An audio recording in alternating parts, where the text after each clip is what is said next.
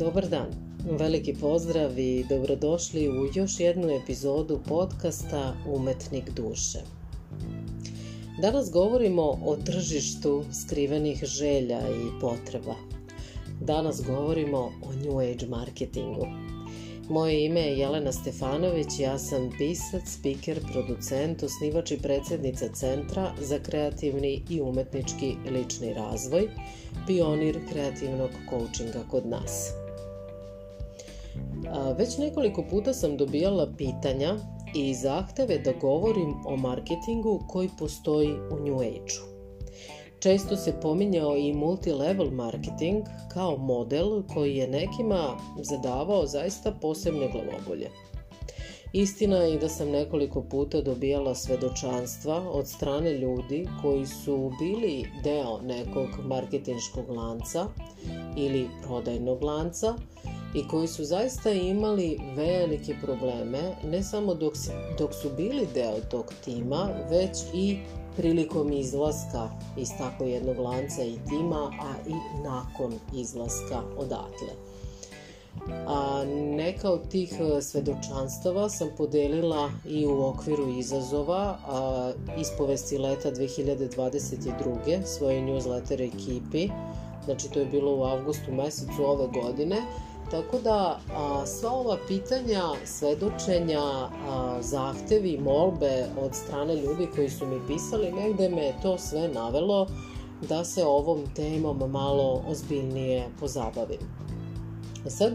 pre neko što krenem dalje da vam pričam o New Age marketingu i o tržištu skrivenih želja i potreba, hoću da vas podsjetim da sam po svom osnovnom zanimanju producent. Dakle, školovani sam i diplomirani filmski televizijski producent. Sad e, većina vas možda koja nije iz te struke i ne zna šta to zapravo podrazumeva, ali u najkraćim crtama za, evo, za ljude koji ne znaju, producent je osoba koja upravlja i rukovodi kompletnim procesom proizvodnje, recimo jednog filma ili televizijske emisije, televizijskog programa. Dakle, od samog starta, od ideje i scenarija, pa sve do te distribucije, dok recimo vi ne odete u bioskop ili upalite TV i pogledate, znači tokom samog tog procesa realizacije i produkcije, jel, producent je taj koji donosi najvažnije odluke i koji upravlja tim procesom proizvodnje, snimanja i tako dalje. I ono čime se producent takođe bavi u sklopu tog svog posla jeste da i raspolaže novcem, odnosno negde upravlja a, kako će taj budžet biti raspoređen. Tako da, ovo mi je bitno da vam kažem kad baš govorimo o ovoj temi jel, o kojoj danas pričamo, jeste da prosto znate da sam u okviru i svojih osnovnih studija i posla kojim sam se bavila imala a, prilike da steknem i takako znanja iz oblasti marketinga, tako da, da znate da ne pričam nešto na pamet, nego da je da, to sastavni deo moje struke i vrlo dobro znam šta pričam. E sad kad se vratimo na a, tu neku da kažem glavnu osobinu ili ono čime da kažem nije to osobina ali ono čime inače marketing raspolaže i na šta se oslanja jedno od glavnih znanja kojima marketing se služi jeste zapravo znanje iz oblasti psihologije. Kroz određene proizvode ili usluge treba zapravo izaći u susret ljudskim potrebama, znači nečijim potrebama ili rešiti nečiji problem. Kada konkretno pričamo o ovome zašto sam se ja školovala, govorimo o kulturnim potrebama čoveka. Znači vi kad podmirite sve svoje potrebe, jeli ste, bili ste, platili račune, znači sve ono što su neke druge potrebe, postoje i kulturne potrebe kod pojedinca i onda recimo ljudi idu pozorišnu predstavu da gledaju ili film neki i tako dalje. Tako da se konkretno to, ta grana, jel, bavi zadovoljavanjem kulturnih potreba, umetničkih potreba pojedinca. Takođe, recimo, čovek ima potrebu za hranom, a, ili onda recimo idete u prodavnicu pa kupujete, znači taj tamo neko ko proizvodi marmelade, džemove, testeninu, šta li već zadovoljava vašu osnovnu potrebu, a to je potreba za hranom. Isto tako recimo ako imate neki problem, boli vas zub, odete kod stomatologa, stomatolog reši problem, da vas zub ne boli. Znači, praktično a, sve što se nudi, da li su to proizvodi ili usluge, na neki način po svojoj toj osnovnoj definiciji mora, mora da zadovoljava određenu potrebu ili da rešava određeni problem. Međutim, ono što je bitno ovde naglasiti je da svaki čovek ima i neke svoje emocionalne potrebe, pa su tu recimo potrebe da na neki način bude prihvaćen, da dobije podršku, da dobije neku vrstu priznanja, da bude viđen, da se osjeća ovako ili onako. I sad ovde mogu da vam dam najbanalniji primer. Recimo, znate svi reklame za sapune. Znači, tamo ni jednom trenutku se ne promoviše u tim reklamama kako sapun sadrži to i to i to i onda će to zdravstveno, medicinski ili ovako onako da utiče na vašu kožu. Nego, ili šta ćete vi da dobijete, ok, tu se provuče taj element tipa hidratacija ovakva ili ne znam ja šta je već iz tog medicinskog ugla, ali ono na šta se zapravo glavno udara, ajde tako da kažem, a, jeste upravo ta emotivna potreba. Budi senzualna, romantična, a, budi lepa, negujuće. To su sve reči koje se negde provlače i koje na neki način zadovoljavaju ove druge potrebe, znači koje nisu, da kažem, nasušne, jel sad jedete pa kao umrećete od gladi, ako ne jedete pa vam se ta potreba zadovoljava, nego su ovo druge, drugi vid potreba. Slična stvar se dešava recimo kao gledamo ove fabrike i ove lance što se bave proizvodnjom i prodajom automobila, pa onda recimo imate sportske automobile, pa imate ovakve onakve različite vrste, jel? Pa u samim tim samim tim su i ti neki, da kažem, stilovi, dizajn i to je isto sve različito i naravno svaki od tih proizvoda, odnosno svaki od tih automobila, ima svoju određenu ciljnu grupu. Znači, to je određeni profil ljudi, uglavnom muškaraca, koji kupuju određene automobile. Neki recimo koji su po profilu više takvi da vole da se takmiče, da vole to nadmetanje, da vole tu neku snagu, brzinu. Za njih se spremaju sportski ti automobili i onda se prilikom a, reklame upravo udara na to a, i upotrebljavaju se takve reči kao što su recimo divlji, neobuzdan, a, snaga ili tako nešto dok recimo neki drugi tipovi automobila koji imaju za ciljnu grupu drugi tip muškaraca koji vole recimo neku klasiku, eleganciju i slično, onda se to promoviše sa ne, taj automobil ima tako, tako i tako, pa sad šta su karakteristike, nego siguran, pouzdan, elegantan. Znači, uvek se zapravo a, cilja na to nešto što postoji kod samog čoveka u vidu a, tih neopipljivih, jel, emotivnih potreba, težni, tendencija, želja, skrivenih, koje nekad jesu vidne, ali vrlo često su skrivene. I sad šta se dešava kada govorimo o New Age marketingu?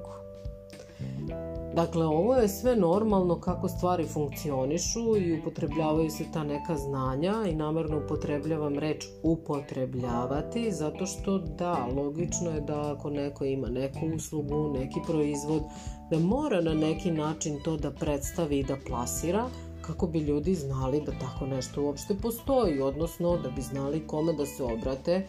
ukoliko žele da reše neki problem, imaju neku potrebu i tako dalje. Ali,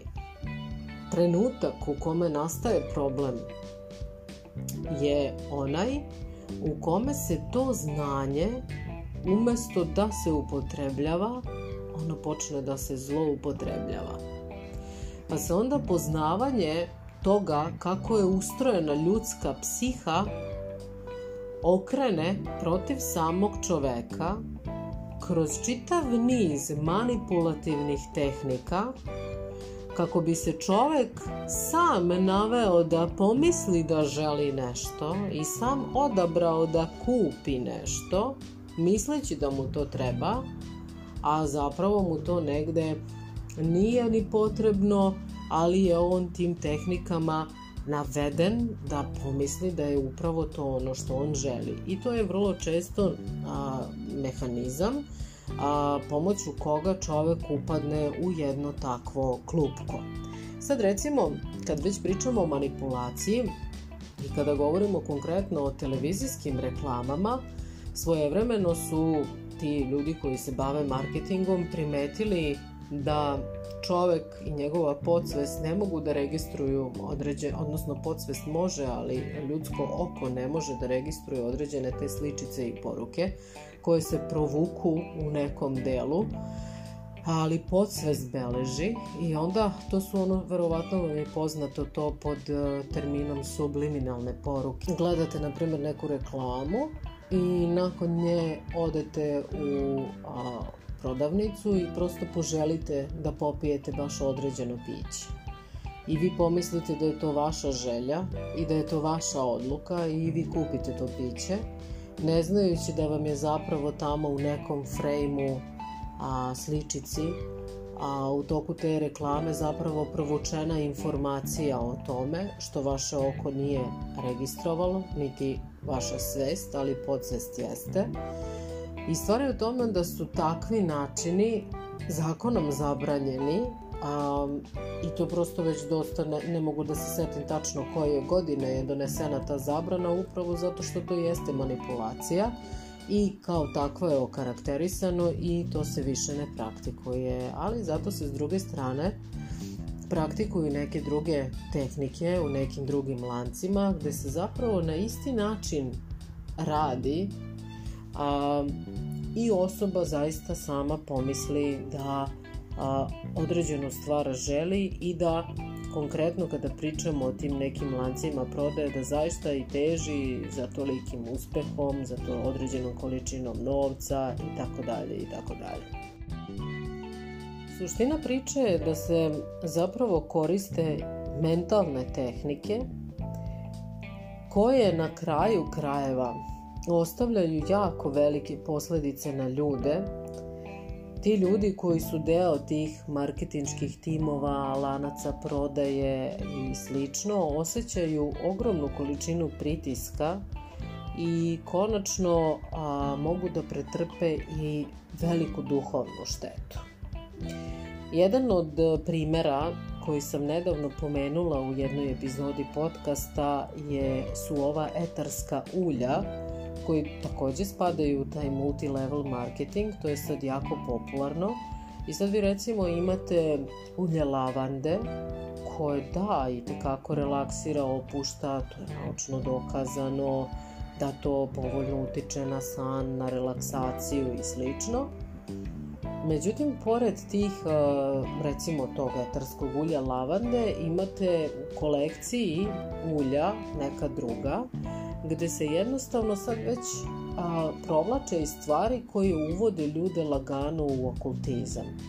Naprimer, a, ulje kojim se priziva obilje ili prosperitet u poslu ili novac ili zdravlje, vitalnost, plodnost. Znači bilo šta gde se čovek oslanja da li je to sad konkretno pričamo o a, ulju, ali to mogu biti cvetne esencije, to mogu biti biljke, bilo gde gde se a, daju neka magijska svojstva i gde čovek umesto da se uzda u Boga, počne da se uzdaje u tako nešto, to je već lagano uvod u magijske rituale, u okultizam a, i sve te stvari koje prosto New Age tekako promoviše danas. A, odnosno što je sastavni deo učenja, New Age učenja. prema tome, a, na taj način, recimo,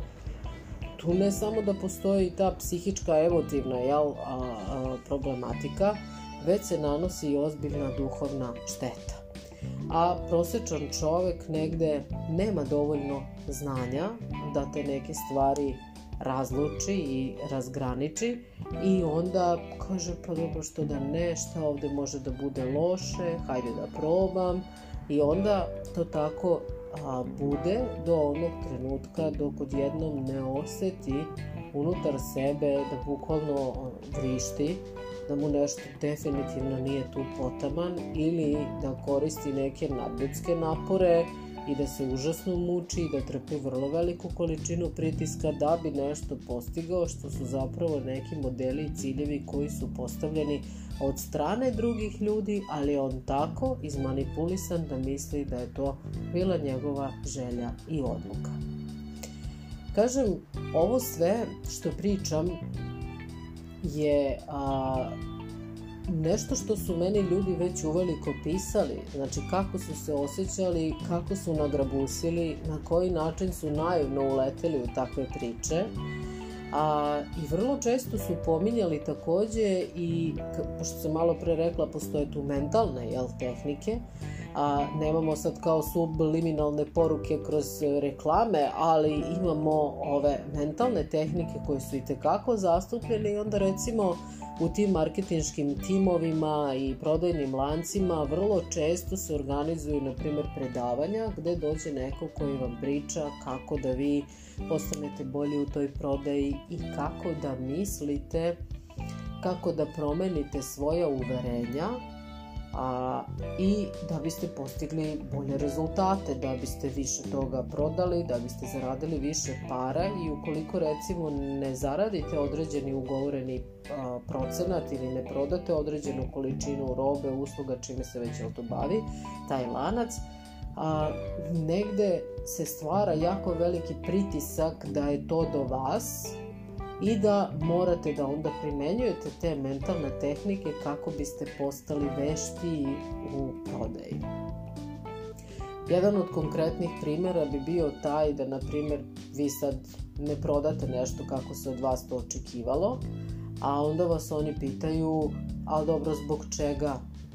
ti misliš da ti to nisi mogao, onda ti kažeš, na primer, nisi mogao zbog toga i toga, onda se postoji pitanje, ali da li to ti je samo uverenje? I treba da promeniš to uverenje da bi imao bolji rezultat u prodaji, da bi imao više uspeha, da bi zaradio više para. Neki ljudi ulete u celu tu priču i stvarno poveruju jer nekim tamo iz tog tima stvarno ide. I onda oni pomisle da nešto sa njima nije kako treba. I stvarno ono što bi se reklo kupe priču i krenu da rade na tim svojim uverenjima, ali ono što i oni sami opisuju unutar njih samih, nešto bukvalno vrišti i javlja se neka vrsta otpora koju oni ne znaju kako da definišu što ovi drugi koji prodaju i koji se bave tim mentalnim tehnikama pripisuju da su to mnogo ukorenjena uverenja, da je to verovatno ne znam kako ustoličen stav i slično što treba menjati jer očigledno ne radi, jel? Vi ne zarađujete pare koliko oni vama traže da vi zaradite. I tu onda se stvara jedan zaista začarani krug iz koga čovek posle jedva izađe jer oseti unutar sebe da tu nešto neštima, da to nije u redu, počne da se osjeća kao da treba da juri kupce, kao da treba da se nameće, kao da treba da uvaljuje nekom nešto. I bukvalno celim svojim bićem osjeća da to ne treba da radi, ali je već u nekom trenutku došao do tačke da je čak i finansijski zaglavljen i onda je frka iz svega toga izaći zapravo. Da praktično rezimiramo ovu priču danas. New Age marketing koji se provlači skoro svuda je vrlo zastupljen, a, to je vrlo onako jedna a, sad već filozofija koja je pustila pipke na sve strane a odnosi se na uspeh, na financije, na prodaju. I opet želim da podvučem, ukoliko se znanja iz oblasti psihologije koji mogu da doprinesu da čovjek zaista sam odabere šta će da kupi ili šta će da proda ili da u tom lancu se ni u jednom trenutku ne narušava čovečija slobodna volja, nego se ta znanja upotrebljavaju, onda tu nema nikakvih problema. Ali ukoliko a, vi bukvalno doživite tu zloupotrebu ili vas neko uči da zloupotrebite znanje, da manipulišete i da na neki način utičete na slobodnu volju pojedinca, bez obzira da li se utiče na vas ili vi posle utičete na potencijalne kupce, posebno što se kaže kad imate već taj osjećaj kad vam je dat da nešto iz vas vrišti, onda uvažite taj osjećaj zato što vam on i tekako dobru stvar a, poručuje. Znači, valjalo bi razmisliti da li zaista vredi biti deo tako nečeg, a, jer to definitivno nema nikakve veze sa promenom uverenja. To je jedna varka i zamka New Age-a danas i završila bih sa tim da uvek treba imati na umu da sve što imamo, imamo ga zahvaljujući Bogu koji nam to daje i obezbeđuje, a ne zahvaljujući snagi, snagama sobstvenih misli. To je opet stavljanje a, sebe u središte, u centar svega i davanje sebi značaja i pripisivanje sebi uh, upravo toga što se postigne, jel, sebi odajemo priznanje na taj način jer smo mi snagom sobstvenih misli i onoga što je u našem umu uspeli nešto da uradimo, pa makar i nametnuli, makar ni ne gledali uopšte ništa drugo, nego pra, samo slepo pratili taj svoj cilj. Znači, jako je bitno imati sve vreme na umu to da sve što imamo imamo zahvaljujući Bogu. I naše uzdanje bi trebalo da ide upravo u tom smeru, a ne rad sa uverenjima i korišćenjem mentalnih tehnika kojima ćemo da oskrnavimo i ugrozimo tuđu i našu slobodnu volju i manipulišemo i sebe i druge ljude. Nadam se da vam je ova epizoda podcasta bila na korist. Nadam se da ste dobili odgovore koji ste, koje ste tražili. Još jednom mogu da vas pozovem da se priključite moje newsletter ekipi. Ostavit ću link za prijavu ispod. Ne znam da je ovo preslušavate, da li na Anchor, Spotify platformi, Deezeru, YouTubeu, Google podcastu, sve jedno ostavit ću link za prijavu. I isto tako ukoliko ste voljni da zajedno pišemo dnevnik i da zajedno prođemo neke stvari kroz to pisanje dnevnika introspekciju javite se, pišite mi mail je umetnik duše gmail.com pa uvek a, možemo a, zajedno da prođemo tako te neke stvarčice koje vas žuljaju, tište a, i u krajnjem slučaju da čovek zaista oslobodi te svoje kreativne potencijale, a bez da ugrožava bilo koga drugog. Do narodnog podcasta puno vas pozdravljam i svako dobro od gospoda želim.